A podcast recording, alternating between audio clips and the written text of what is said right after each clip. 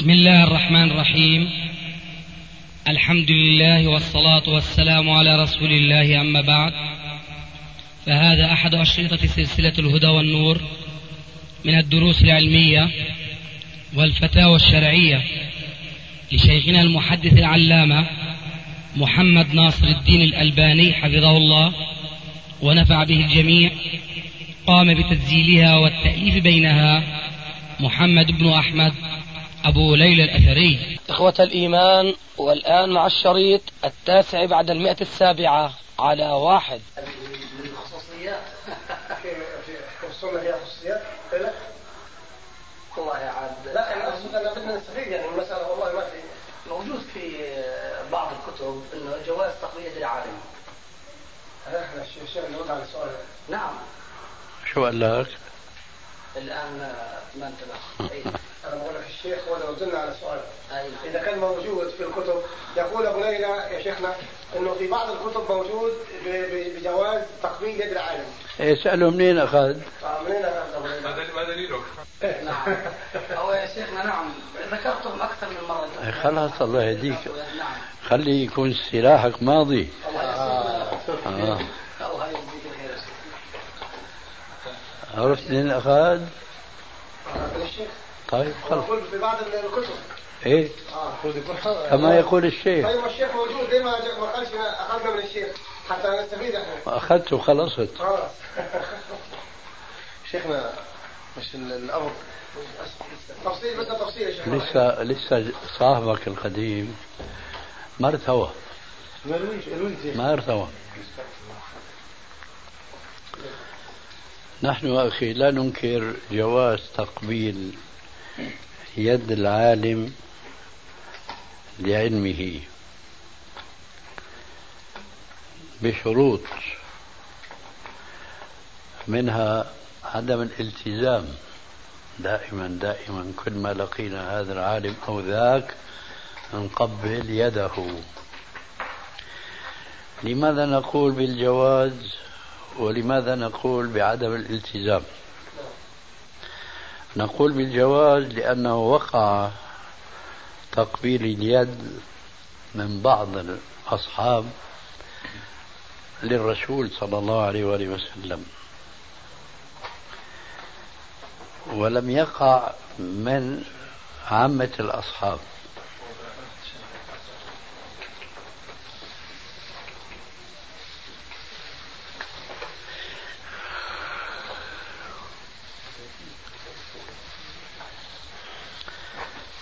فما وقع من التقبيل يدل على الجواز. وما لم يقع في أكثر الأحيان يدل على عدم الالتزام. ثم هذا التقبيل الجائز ومن شرطه الإقلال منه وعدم المواظبة عليه. ينبغي أيضا ألا يقترن معه أمور على خلاف السنة منها ألا تقوم المصا أن لا تقوم أو لا يقوم التقبيل مكان المصافحة.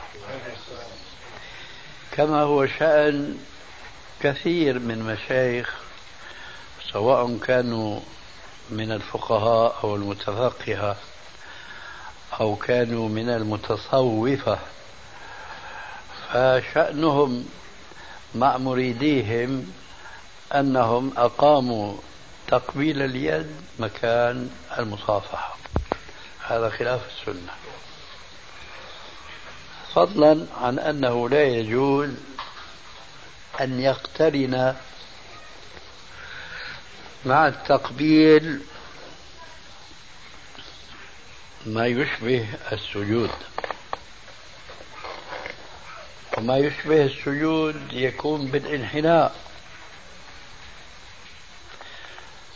ومن ذلك أيضا أن يفعل هكذا. ومنذ أيام قريبة قبل يدي أحد الأطفال الصغار وبحضور والده أظنه. أنس أنس أنت بذاتك؟ لا أنس الثاني أنس. أنا أعرف آه. ففعل هكذا. فنهيناه عن هذا. إذا إذا توفرت هذه الشروط فالتقبيل جائز. هذا من حيث الجواز. لكن نحن لا نحب هذا ولا نرضاه لأنفسنا. لكن الحب والشوق أحيانا بيتغلب على حب آخر. فالذي يحب مثلا الشيخ في كثير من الأحيان ما بيحب ما بيحبه الشيخ يمكن هذا الكلام مش مفهوم كثير ها؟ ها؟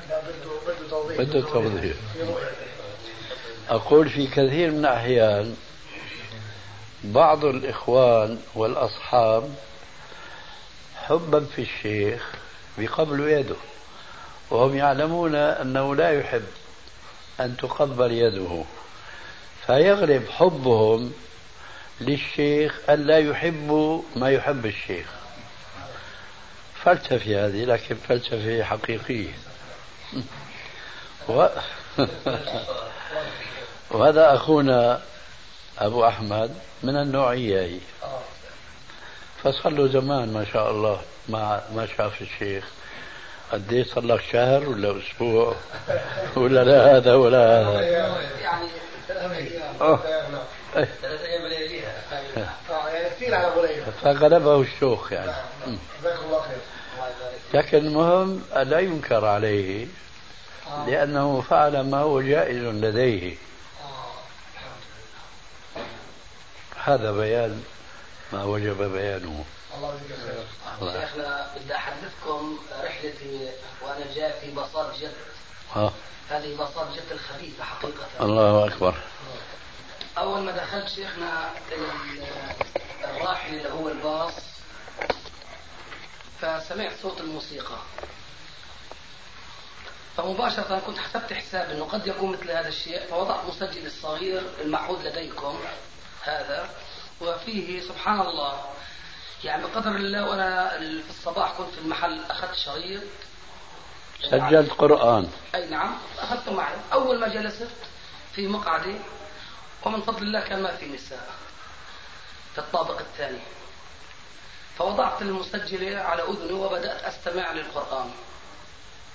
وإلا خرجت هذه الخبيثة اللي هي بيقولوها المضيفة أو هي الخادمة اللي في الباص. فتقول هذا ممنوع.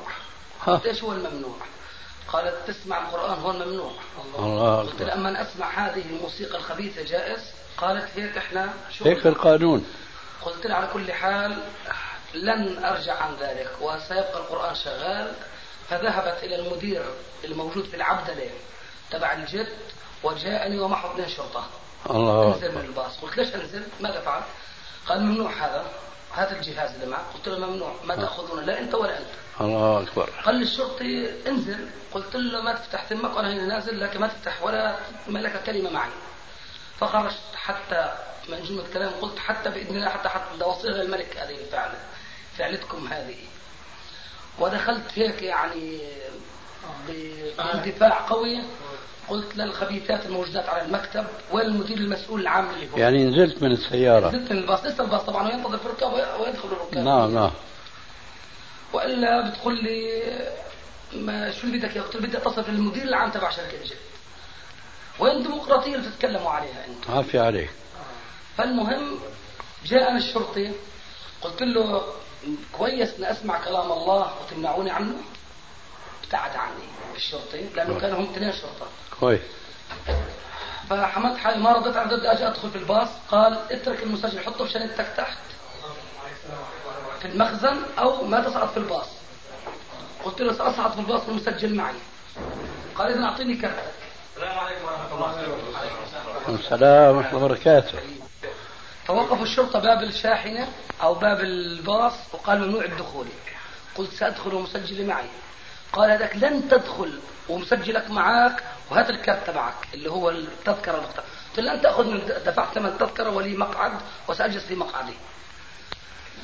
بعدين بالأخير شفت إنه طبعا ما أستطيع عليهم هؤلاء الخبثاء. قلت له على كل حال تعال هون. لمين المدير مش الشرطة. قلت له تعال هون. قدام الناس الناس تجمهرت علينا. قال شو بدك؟ أتكلم معك تعال هون. فأخذته على قلت له أنت مسلم؟ قال نعم قلت سأسألك أمام الله يوم القيامة على هذا الموقف اللي فعلته معي سأسألك أمام الله يوم القيامة. اذهب الآن. بعدين شوي يتقرب عندي قلت طب أعطي المسجل كأنه السائق. أعطي المسجل. قلت له ابدا. قال طب أعطي البطاريات. قلت له لن تأخذ منه شيء. فمن فضل الله عز وجل زهقوا مني وتركوني وخرجت في الباص أو دخلت في الباص ووضعته وحطيت المسجل على أذني. قلت إما أن تطفوا هذه الموسيقى اطفي إذا في إزعاج على الناس. أو إذا اجتمع هاتف ساضع كذلك القرآن. ومن فضل الله ما صدقت ويتحرك الباص حتى ما يصير إشكال آخر. مش الباص ما وصلت يعني تقريبا جسر هذا اللي بودي إلى طريق أبو مالك على مسجده. من عبد الله هناك. فوضعته هذا. لكن حقيقة كموقف طيب نفس الناس الجالسين يعني أعجبهم هذا الموقف. فجاءت الخبيثة لكن ما وجدت منهم نصيرا. أبدا أبدا. كان حتى جالس بجانبي شاب ملتحي وصار يردد مع القرآن يعني لكن ما له يعني قيد ولا شيء. فلما لا إله إلا الله. لا إله إلا الله. فامسكته بالمسجل أنا وضعته على أذني. فبدأت الموسيقى. طبعا صاروا الخبيثات يضعوا أشكال وألوان. حتى حطوا التلفزيون فوضعت البرداي أنا على جانبي ونظرت إلى الخارج وبدأت إيش؟ أستمع. طبعا من جملة حديثنا السابق شيخنا أنا بتقول يعني أنت ما بتعرف الدين غير أنت بتعرف الدين إحنا بنعرف الدين كمان. هذه الخادمة. ما شاء الله. أي نعم. لكن ما رضيت شيخنا أرد عليها. بعد ما مشى الباص بجوز مدة ربع ساعة وإلا جاء على على مكان اللي أنا جالس فيه. مين؟ هي نفس هذه المضيفة. أو الخادمة. فبدأت تتكلم طبعا درت وجهي أول ما أول ما لمحتها درت وجهي إلى يعني المناظر الطبيعية في الطريق. وبدأت أنظر هناك وبدأت تتكلم. تكلم من؟ من بجانبي. وتقول أنا والله إني صائمة. شو أفتاها الرجل؟ قال لها أنت بهذا إزاي صيامك باطل. طبعا بينت له أنا فيما بعد. أنا ما سمعت طبعا شيخ دردشتهم لكن سامع في دردشة ما كنت أفهم شيء هي. إلا الدين وما الدين وكذا من هذا. فكنت أنا واضع على اذني المسجله فلما ذهبت بربع ساعة فتكلمت أنا وياه بقول لي بقول أنا إن يعني إحنا في عندي دين عندي ظروف وعندي كذا. والله إن أنا صائم أنا حتى قلت لها أنت وصيامك هذا ما في ما لك أجر بهذا مو بس أجر صيامك باطل. فبينت له إنه هذا له حكم وهذا له حكم. ومسألة ترك الصلاة كذاك بدأت أشرح له بعض الأشياء. كويس عليكم السلام. ومن فضل الله عز وجل حتى فعلت نكتة في الباص قلت لهم دخلهم وقف الباص عشان أشتري أحجار البطل المسجلة. أقوى من اللي موجود. للي جالسين هناك فمن فضل الله بقيت المسجلة في قوة البطاريات حتى وصلنا العقبة ما ما أغلق أبدا. كويس إلا من فضل الله جاء يعني شفتهم طفوا المسجلة تبعتهم أو الفيديو هذا. فطلت كتيب بدأت أقرأ فيه. فلما أشعلوا ما عندهم أشعلت ما عندي. ومن فضل الله عز وجل أي نعم. فلا حول ولا قوة إلا بالله. الحقيقة القصة يجب أن تنشر في جريدة من الجرائد. والله يا شيخ أني قلتها في هذا اليوم لمن كان حولي. قلت سيؤخذ الموعد الخروج في الباص في هذا اليوم في الباص اللي طلعت فيه والمسؤول اللي فيه شركة جت وسينشر هذا بالجريدة. الموسيقى والأفلام الماجنة موجودة في في الباص. والناس كلها والعياذ بالله يعني قابلة على هذا. السلام عليكم. إيه بس أنا بضيف إلى كلامك سينشر. قل إن شاء الله. إن شاء الله. لأنه نعم. لن تجد من ينشر. آه الله حول ولا قوة هذه المشكلة. الله لن تجد من ينشر. فلا حول ولا لأنه كل ماشيين يعني مع مع التيار. الرباط الرباط إيش؟ أو مش الرباط أظن هذه شحان شحان شحان تقبل عليك هذه بتصطاد ممكن بس شيخنا إذا كانت تصطاد بدك تصطاد تصطاد شيء ضد المسلمين. وليس لصالح المسلمين. هذه جريمه لا لا بعض الاحيان بتاخذ الاثنين في اللواء في اللواء كمان. الرباط تبع الاخوان طيب إن شاء الله سيكتب إيه؟ هذا بإذن الله. للاخوان بنشروا فيها الشرائط تبعت الرباط. طبعا الرباط أيوه. بس صورة. على كل حال إذا كنت ولا بد يعني بتحاول خلي يحاول في أي جريدة سيارة مشهورة أكثر. نعم زي الراي فإن استجابوا كتجربة يعني. بيكون أنشر وأوسع انتشارا. ما وافقوا حينئذ يلجأ إلى جريدة الإخوان. في في أمرين إذا ممكن. الامر الأول الأمر الأول إنه ممكن عن طريق البث المباشر برضه. هذه نقطة. البث المباشر بتقبل منك إنه خطاب إلى مدير الجهه إلى ينقلوه وبنستمع على هذا لأن هذا مباشر راسا ما في. هذا هذا إذا ما خصموا الحديث. آه. إذا ما سدوا عليه الطريق. اثنين إذا فضلت اللي هو الجريده زي الدستور أو الرأي في باب خاص للشكاوي ممكن يكتب يعني وينقل فيها. نعم. بس لو راح هناك. لابد من تجربة. هناك ليلى أو اي أخ من الاخوه بهذه الصفه ما بيقبلوا لهم قبلوه ما بيسجلوا حسبنا الله ونعم فما عذر شيخنا على جواب للإخوة لما سألتني عن تقبيل اليد. فأنت كما لا يخفى عليك أني لسه ما هو الحقت أني أجلس ولا حتى أني جلست فكنت يعني لساتني منطلق. وإلا يعني سمعتها منك أكثر من مرة. آه. الله يجزيك خير ربنا يحفظكم. الله يحفظك. وربنا يبارك لنا في عمرك وأن تبقى لنا دائما سندا يا شيخنا. الله يبارك فيك. الله يكرمك. إي والله. يعني أنت مكان الوالد والله والشيخ والأستاذ والمربي. والله نفس الوالد يعني ولا حول ولا المعلم. سقاك الله من خمر الجنة.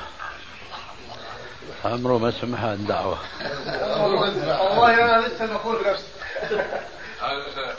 الآية القرآنية وكذلك جعلنا لكل نبي عدوا شياطين الإنس والجن يوحي بعضهم إلى بعض زخرف القول غرورا. لما صار مع الأخ أبو ليلى صار يوحوا كل بعضهم الشرطي آه، لك- هذا لك. على الداعي لله عز وجل على الم- الم- الرافض المعاصي والآثام.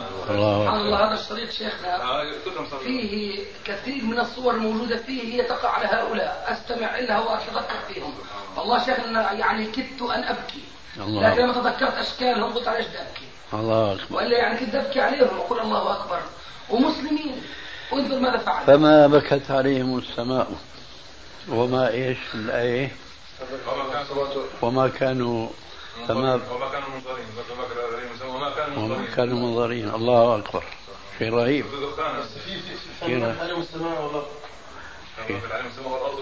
منظرين الله أكبر. تذكرت نصيحة أخونا أبو عبد الله والدخان.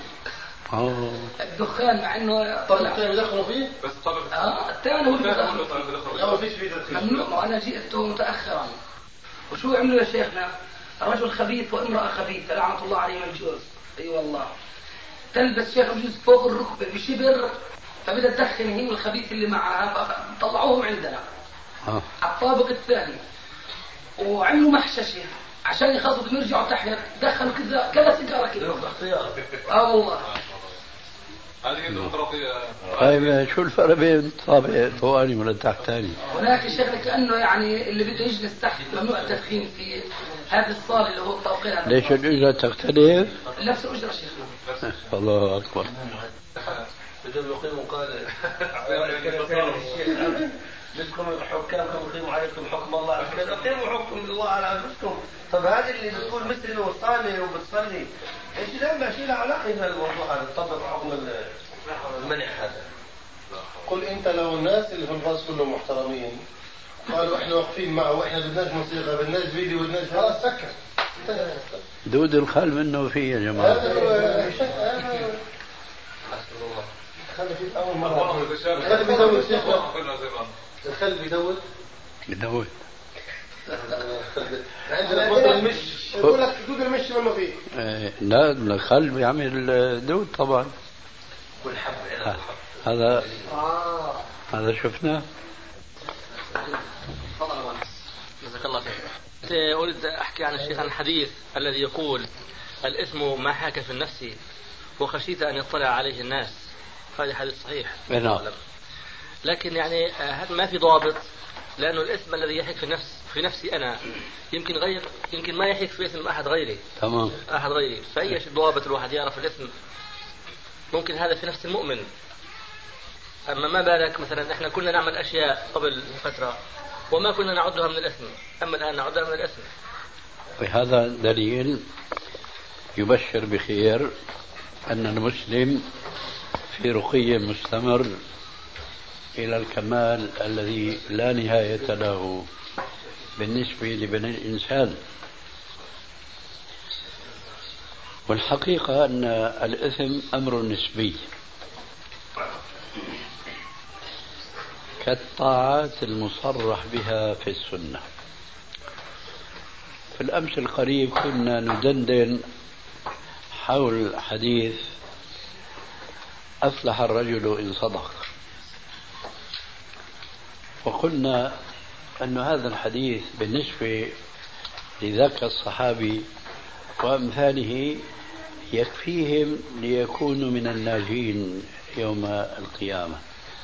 أما المسلمين اليوم فلا يكفيهم أن يقتصروا على الفرائض. وأتينا بحديث الذي يقول فيه عليه الصلاة والسلام أن الله عز وجل يقول لملائكته انظروا هل لعبدي من تطوع فتتم له به فريضته. ففرقنا بين الإنسان الذي يأتي في الفرائض كما شرع الله وبين إنسان آخر لا يأتي بهذه الفرائض كما شرع الله. فنقول لهؤلاء أكثروا من التطوع. حتى تستدركوا ما فاتكم من كمال الفرض.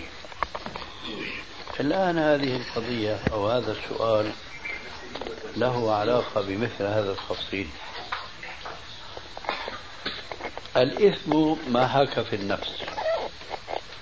وكرهت أن يطلع عليه الناس. معنى الإثم يعني الإثم الذي قد لا يؤاخذ عليه المسلم. قد لا يؤاخذ عليه المسلم. لكن هو يتساءل ترى هل هذا إثم أم لا؟ فهذا التساؤل دليل أن هذا المتسائل إيمانه قوي. ولذلك فهو قد حصل في نفسه مثل هذا التساؤل في بعض القضايا.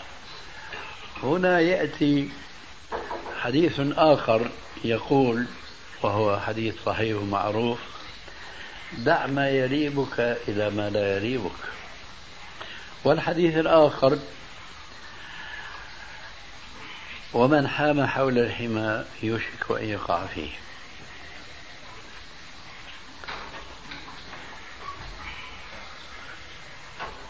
فإذا لمن هذا الخطاب دع ما يريبك إلى ما لا يريبك.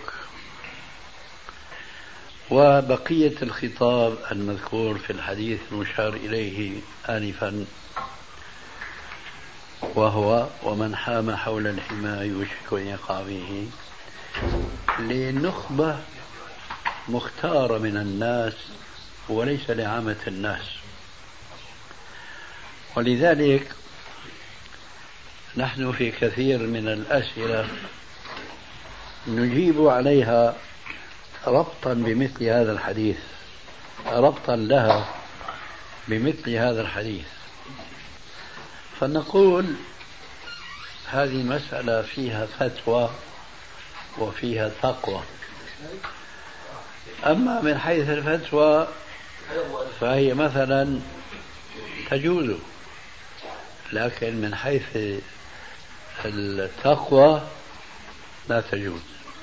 كيف؟ هذا حكم متناقض يجوز ولا يجوز. يجوز لعامة الناس لا يجوز لخاصة الناس. مثلا الساعة المطلية بالذهب كثيرا ما نسأل. هل يجوز استعمالها؟ هل يجوز لباسها؟ نقول فيها قولان فتوى وتقوى. الفتوى يجوز والتقوى لا يجوز. ماذا يترتب من وراء هذا؟ يترتب من وراء هذا التفصيل التالي.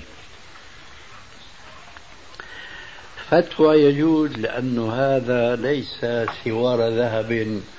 والساعة ليست ساعة ذهب حتى تحرم على الرجال. ولكن هي ساعة مطلية بالذهب كذلك السوار سوار مطلي بالذهب فمن حيث أنه ليس هذا وهذا ذهبا فهو يجوز. لكن من حيث أن ظاهره ذهب فهذا سيفتح سوء الظن من الناس فيك أيها المسلم. فإذا يأتي هنا قول عليه السلام السابق دع ما يريبك إلى ما لا يريبك. حينما تترك هذا الشيء تستريح من آه، سوء الظن من الناس بك وتستريح من مناقشتهم إياك وردك عليهم وقد تنجح وقد لا تنجح. فإذا ما خلوت بينك وبين ربك واستعملت هذا الشيء مثلا فلا إثم عليك. لماذا؟ لأن السبب الذي قلنا عنه أنه ينبغي أن تجتنبه سبب يتعلق بغيرك. هنا لم يوجد. هذا مثال. العصر ما شاء الله. مثال آخر. هذه المعلبات التي طغت في الأسواق ولا يعرف الناس هل هي يعني ذبيحة أم قتيلة.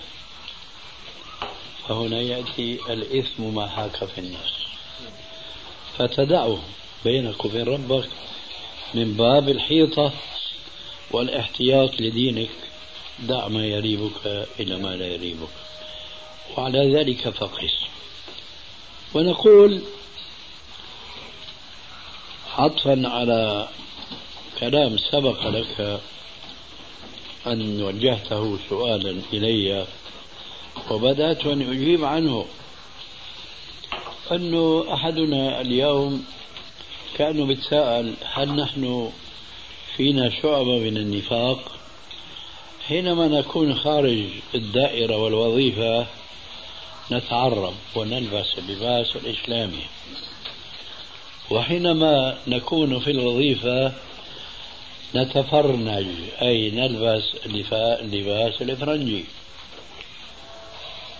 هذا سؤال مهم جدا. هل هذا نوع من النفاق؟ بلا شك هذا نوع من النفاق. لكن النفاق مراتب ومراتب كثيرة كثيرة جدا. لذلك كنت بدأت أن أخوض معك. أنه ماذا عليك لو أنك تركت هذا النفاق الذي أنا أسميه بحق بالنفاق الاجتماعي؟ كان الجواب أنه قد تصاب بضرر. وهنا أردنا أن نتباحث حول هذا الضرر ما هو؟ ولم يستمر بنا الحديث لسبب أو آخر.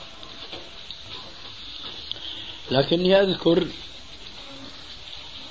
بأننا سمعنا أن الضرر أنه قد يقال ويقال وقد ينذر بما يتعلق بالوظيفة ونحو ذلك. إتماما لهذه النقطة التي كان انتهى الحديث بنا. ووقفنا عندها. أقول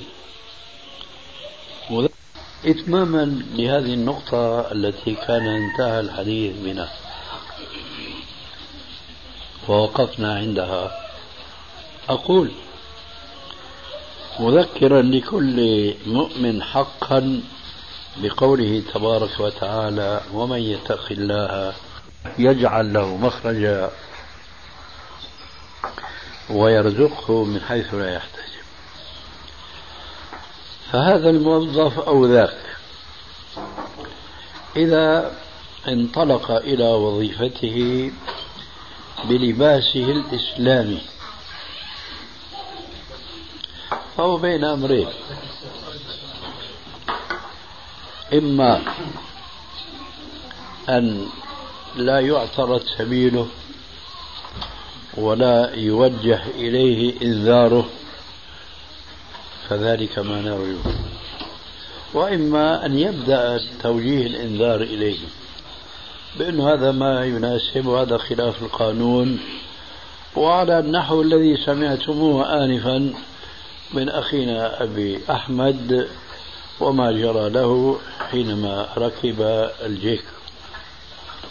وأرادوا منعه من استماعه للقرآن الكريم من مسجلته. ثم لما ثبت واتقى الله عز وجل نصره الله عليهم رغم أنوفهم ورب النظام أو القانون. الذي يزعمونه. فأنا أعتقد أن ثبات المسلم على مبدئه سيكون عاقبة أمره أن ينصره الله عز وجل على عدوه. بشرط أن يأتمر بقول ربه ولا تهنوا ولا تحزنوا وأنتم الأعلون. إن كنتم مؤمنين. إذا نحن ننصح بالثبات خاصة أنني أعتقد أن الوضع في هذا البلد أهون من الوضع في العاصمة. فهناك النظام والقانون الذي في كثير من جوانبه مخالف للشرع يحرص على تطبيقه في ظني أكثر مما هو الأمر ها هنا فإذا تعاونتم بعضكم مع بعض وثبتتم على حضور الوظيفة باللباس الشرعي أظن ستكون العاقبة لكم. وهذا من معاني قوله تعالى والذين جاهدوا فينا لنهدينهم سبلنا. وقوله عز وجل ومن يتق الله يجعل له مخرجا ويرزقه من حيث لا يحتسب. أنا أعتقد لو أن الشعب كان مسلما لكان الحاكم يحكم بالإسلام لأنه آه، يريد إرضاء الشعب. وما دام أن أغلب الشعب يريد هذه القوانين التي توافق أهواءهم توافق شهواتهم فهو يتبنى هذا النظام وهذا القانون. فلو شعر بأن هذا الشعب إنما يريد الإسلام فسيكون مسلما. وهذا مما جاء فيه حديث لكني كما أقول دائما وأبدا أنني أرمي عصفورين بحجر واحد. أبين أن هذا الحديث الذي يقتضيه مناسبة الحال والمقال آه، لا يسوغ لي ذلك أن أسكت عن بيان ضعفه لكني في الوقت نفسه أبين أن معناه صحيح. ذلك الحديث يقول صنفان من الناس. إذا صلح صلح الناس وإذا فسد فسد الناس. الأمراء والعلماء. فلو ثبت العلماء على دينهم لتبعهم الأمراء لأنهم يريدون أن يرضوا الشعب الذي فيهم هؤلاء العلماء.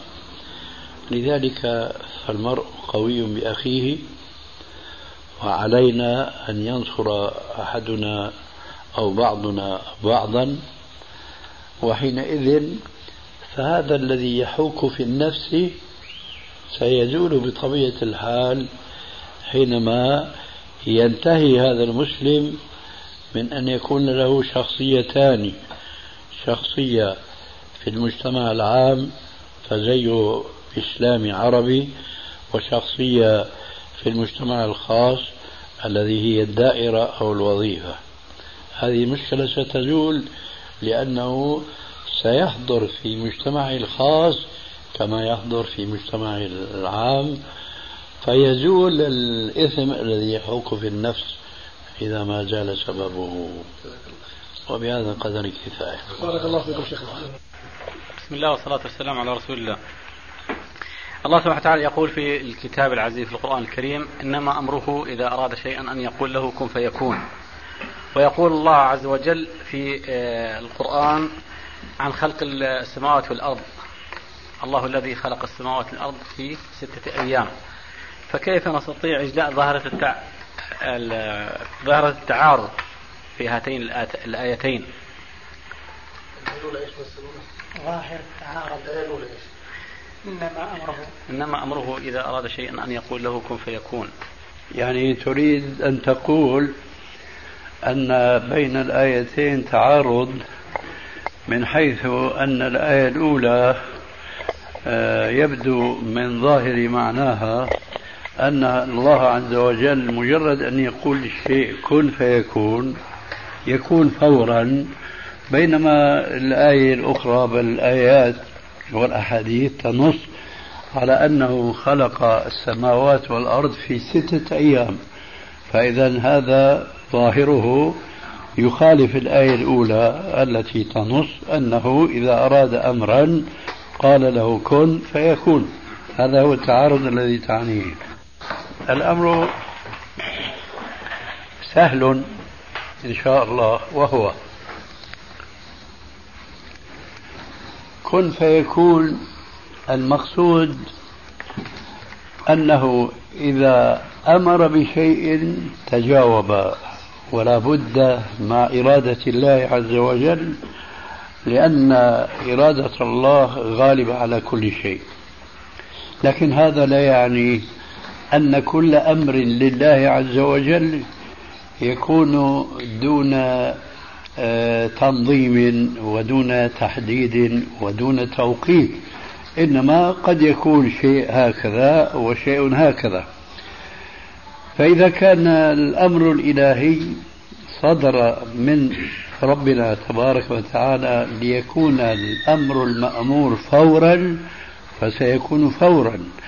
وإذا كان الأمر المأمور صدر من الله عز وجل أن يكون على تحديد ساعات أو أيام أو سنين فسيكون كذلك كما يريد الله تبارك وتعالى.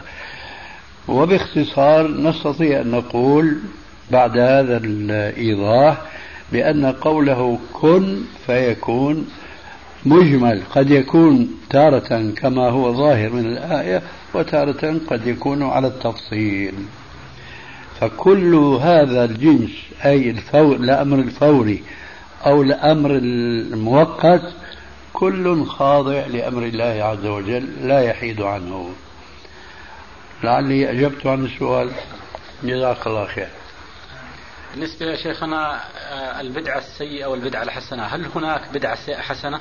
هل إيش؟ هل يوجد بدعة حسنة؟ ما أنت بقول عمر بن الخطاب أنت أجبت بنفسك في الأمس القريب. لكن آه، ما تيسر لي أو لك الاستمرار في تفهم الموضوع.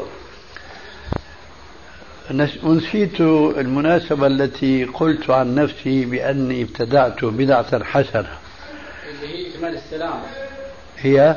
وعليكم السلام ورحمة الله وبركاته ومغفرته. ومغفرته أحسن. زيادة ومغفرته فقلت أن هذه بدعة حسنة ابتدعتها أنا. فربما يعني آه، استشكل هذا القول مني وأنا الذي أدندن دائما أن البدعة كلها ضلالة. اعتمادا على الأحاديث والتي منها قوله صلى الله عليه وآله وسلم كل بدعة ضلالة وكلها في النار. لكنني عجبت أن الذي استنكر هذا التعبير تعبيري أنا هو فورا فسر كلمة عمر نعمة البدعة هذه بأن البدعة في قول عمر بدعة لغوية فما هو وجه الاستنكار إذا؟ فأنا اتبعت عمر رضي الله تعالى عنه في القول بأن هذه بدعة حسنة. فقولي في زيادة وبركاته في الجواب عن السلام الكامل في زيادة ومغفرته في الجواب عن السؤال الكامل السلام الكامل الذي ينتهي ب وبركاته. أعتقد بأن هذه فعلا بدعة أي حادثة لم تكن من قبل بدعة لغوية. فكذلك عمر قال نعمة البدعة هذه بالنسبة لصلاة التراويح وصلاة التراويح ليست بدعة شرعية. لأن النبي صلى الله عليه وآله وسلم صلاها وحض عليها. من أجل ذلك قال العلماء في كلمة عمر بن الخطاب نعمة البدعة هذه أنه يعني بدعة لغوية. وهكذا قال القائل يومئذ في الجلسة نفسها. فما الفرق بين هذا وهذا؟ ما الفرق بين قول عمر في صلاة التراويح وهي سنة؟ نعمة البدعة هذه وبين من اتبع عمر في قول هذا فقال عن زيادة ومغفرته بدعة حسنة. ما الفرق؟ كل من صلاة التراويح وزيادة وبركاته سنة ثابتة. وكل من كلمة عمر الخطاب في تلك السنة التراويح نعمة البدعة هذه. وقول هذا المعاصر لكم في زيادة ومغفرته. هذه بدعة حسنة. كلاهما يلتقي في القول ملتقا واحدا وكل من القولين ينصب على سنة معروفة. هذا جوابي. فإذا بقي هناك شيء نسمعه إن شاء الله. فمن هذا السنة صلاة التراويح كانت في أيام الرسول صلى الله عليه وسلم طبعا. فعلها الرسول صلى الله عليه وسلم ولكن خوفا أن تفرض على المسلمين تركها. وأيضا السلام آه، لا نسمع الآن المسلمين يقولوا أو نادرا ما نسمع يقولوا بمغفرته ولكن قالها رسول الله صلى الله عليه وسلم. إذا يلتقيان. جزاك الله خير وإياك. هنا عندنا بحث بهم ضيفنا الطارئ اليوم. الأصل في العبادات المنع إلا لنص والأصل في العادات الإباحة إلا لنص. فقلت أن الجملة الثانية آه، لا حاجة للبحث فيها. لأنها معروفة عند جماهير العلماء بالقاعدة الأصولية التي تقول الأصل في الأشياء الإباحة. أما الشطر الأول من ذاك الكلام الأصل في العبادات المنع فهذه ليست مشهورة شهرة تلك الجملة.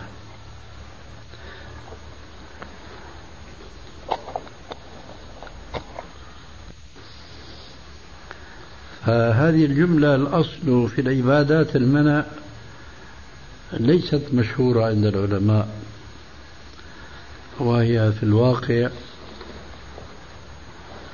آه، عبارة جمعت فأوعت. والأدلة الواردة في ذم البدع كلها تؤيد هذه العبارة. وكذلك الآثار السلفية. أما الأحاديث التي تؤيد العبارة فهي معروفة لكن من الآثار السلفية التي ليست مشهورة ما يروى عن حذيفة ابن اليمان رضي الله تعالى عنه قال كل عبادة لم يتعبدها أصحاب رسول الله صلى الله عليه وآله وسلم فلا تعبدوها. فلا أي فلا تتعبدوها. ومن هذا القبيل قول عبد الله بن مسعود اقتصاد في سنة خير من اجتهاد في بدعة اقتصاد في سنة خير من اجتهاد في بدعة. ونحو قوله الآخر اتبعوا ولا تبتدعوا فقد كفيتم عليكم بالأمر العتيق. عليكم بالأمر العتيق. فتجاوبا مع هذه الآثار يكون جواب ذاك السؤال أنه إذا دخل مسبوق إلى المسجد فوجد الإمام قد صلى قد سلم وهناك آخرون قد سبقوا. فنقول نحن لا يجوز لهذا الداخل أن يقتدي بأحد أولئك المسبوقين. لماذا؟ لسببين. اثنين الأول ما سبق بيانه من الأصل العظيم كل عبادة لم يتعبدها أصحاب رسول الله فلا تعبدوها. السبب الثاني أنه قد وقع ما يشبه هذا وإن كان يختلف. اثنان سبق بركعة مثلا فسلم الإمام فقام كل منهما يأتي بما سبق. فهل يقتدي أحدهما بالآخر؟ الجواب لا. لماذا؟ لأن هذه القصة ثبت مثلها أن النبي صلى الله عليه وسلم كان في سفر فخرج لقضاء الحاجة قبل أذان الفجر وبينما قضى حاجته وصب عليه وضوءه صاحبه المغيرة بن شعبة. كان أصحابه قد انتظروه ليأمهم في المسجد أي المصلى الذي كانت اتخذ للصلاة فكأنهم استأخروه. فصلى بهم إماما عبد الرحمن بن عوف. فلما جاء الرسول عليه السلام ومعه المغيرة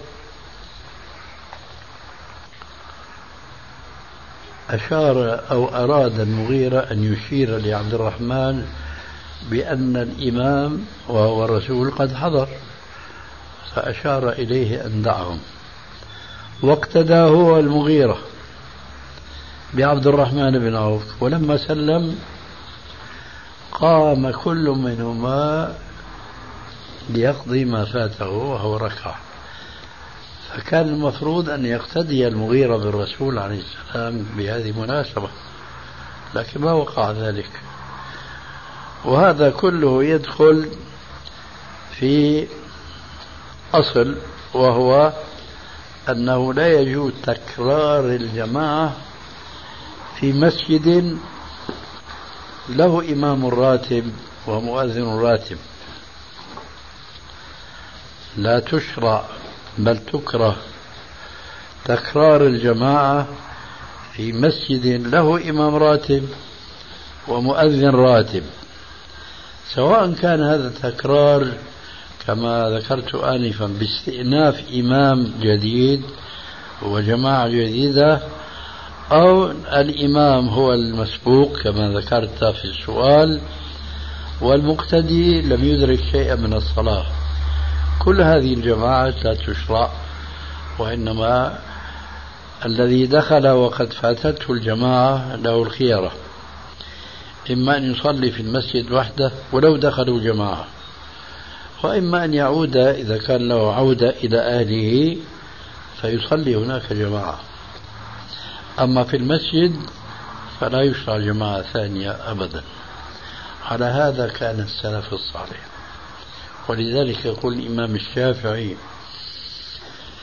في كتابه العظيم الأم وإذا دخل جماعة المسجد فوجدوا الإمام قد صلى صلوا فرادا. وإذا صلوا جماعة بإمام صحت صلاتهم لكني أكره لهم ذلك لأنه لم يكن من عمل السلف.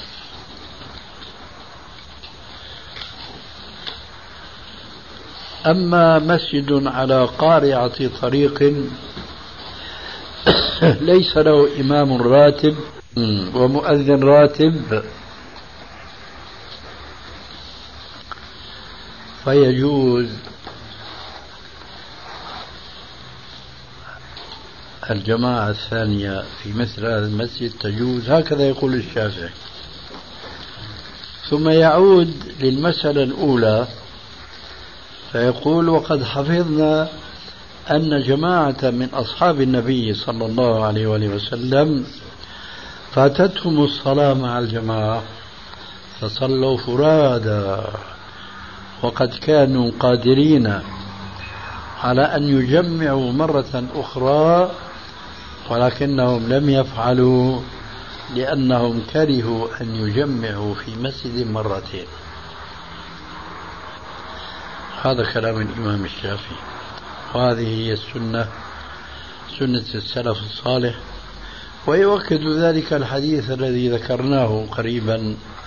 لقد هممت أن آمر رجلا فيصلي بالناس ثم آمر رجالا فيحطب حطبا ثم أخالف إلى أناس يدعون الصلاة مع الجماعة فأحرق عليهم بيوتهم إلى آخره.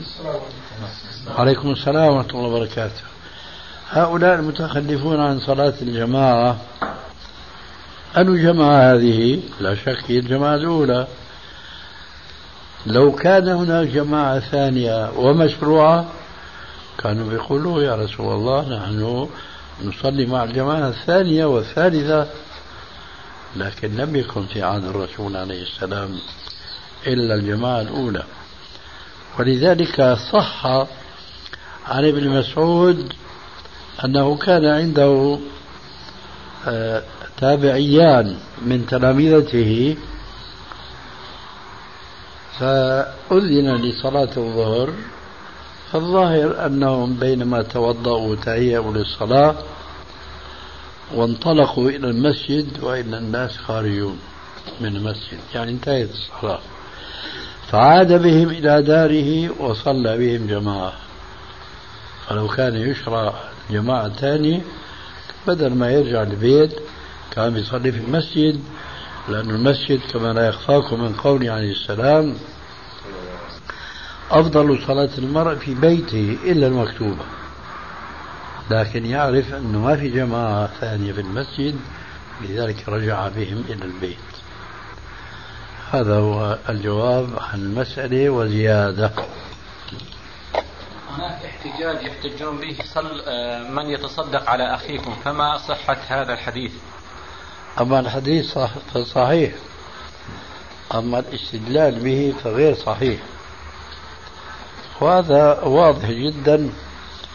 من وجوه كثيرة آه، أوضحها أن يلاحظ المسلم قوله عليه السلام ألا رجل يتصدق على هذا فيصلي معه.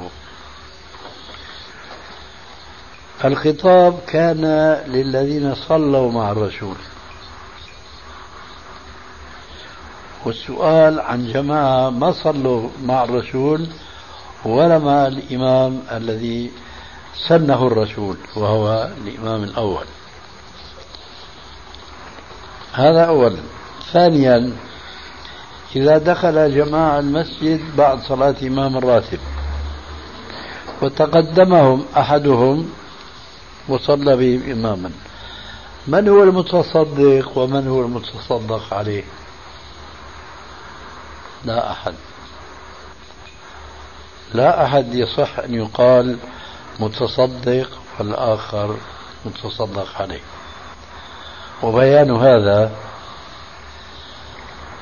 أن النبي صلى الله عليه وسلم حينما قال هذا الحديث ووجهه لأصحابه الذين صلوا خلفه هؤلاء أغنياء يعني معنويا لأنهم أولا صلوا خلف الرسول عليه السلام ثانيا صلوا الجماعة والجماعة في سبع وعشرين درجة. دخل رجل فاتته هاتان الفضيلتان. فقال للذين حصلوا الفضيلتين ألا رجل يتصدق على هذا فيصلي معه؟ فقام واحد منهم. وصلى معه. إذا هذا هو المتصدق. وذاك الذي فاتته الجماعة فقير فهو المتصدق عليه. فلما بيدخلوا جماعة أربعة خمسة مش مهم. وأما هم أحدهم ما ينطبق هذا الحديث عليهم. ولذلك فالاستدلال بالحديث على تجويز هذه الجماعة تحميل للحديث هذا الحديث عليهم. ولذلك فالاستدلال بالحديث على تجويز هذه الجماعة